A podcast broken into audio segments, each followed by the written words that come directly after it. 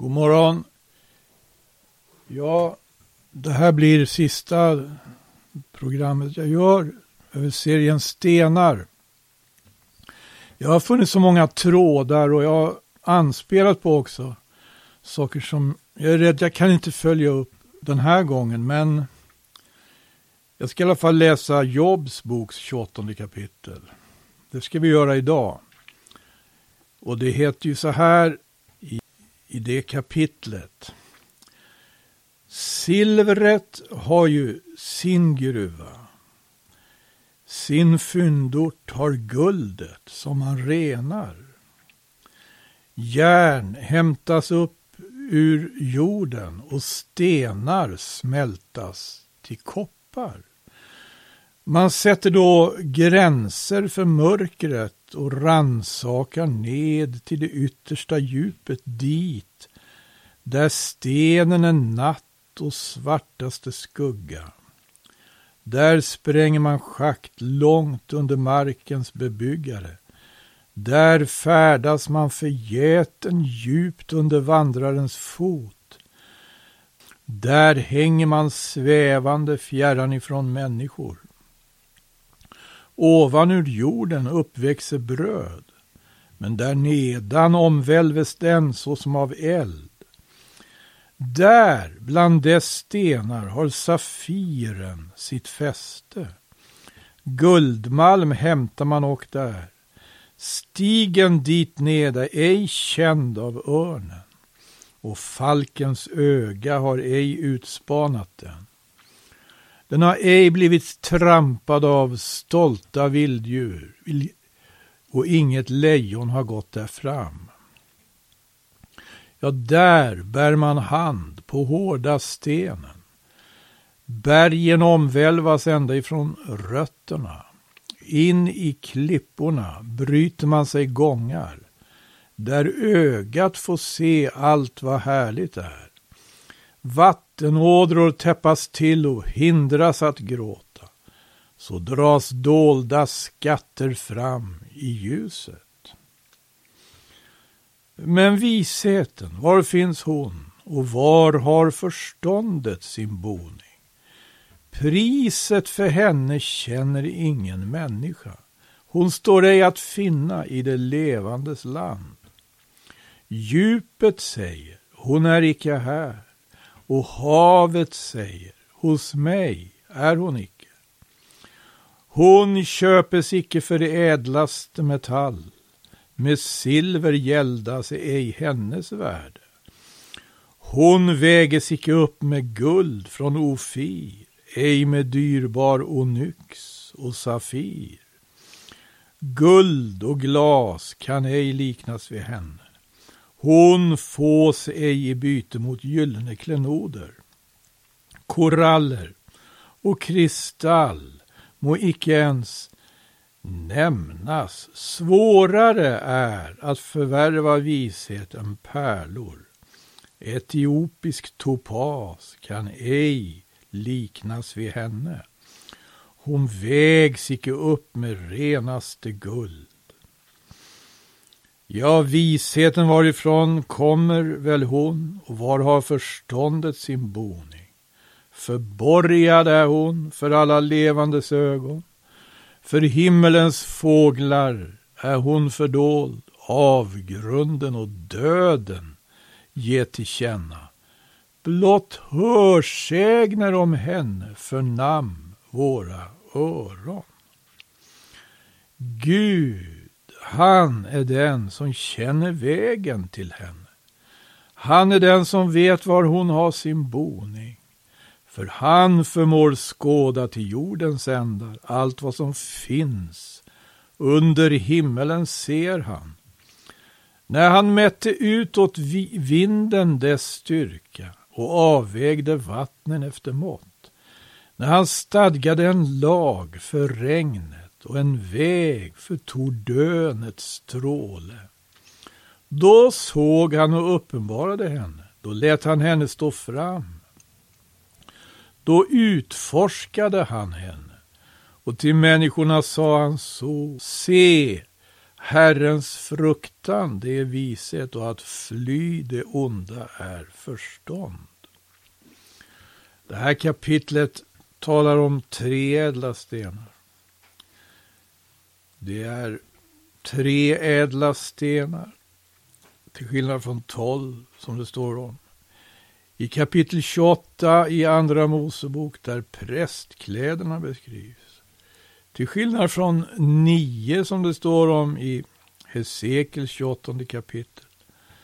Där Tyruskonungens eh, prakt beskrivs.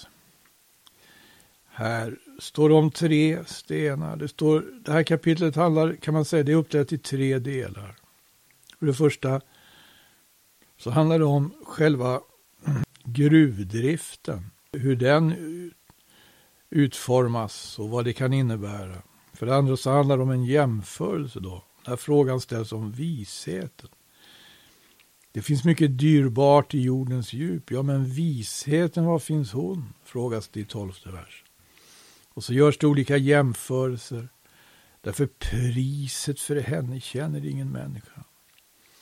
Här har vi att göra med någonting som är oerhört värdefullt, oerhört dyrbart. Som köpmannen i Jesu liknelse förstod att en viss pärla var värd allt han ägde. Så vill det här verserna göra klart för oss att visheten kan bara inte erövras, köpas. Det finns ingen möjlighet. Hon köps inte för ädlaste metall. Med silver gälda sig hennes värde. Och sen kommer tredje delen av det här kapitlet då frågan upprepas. Visheten varifrån kommer väl hon? Och var har förståndet sin boning i vers 20?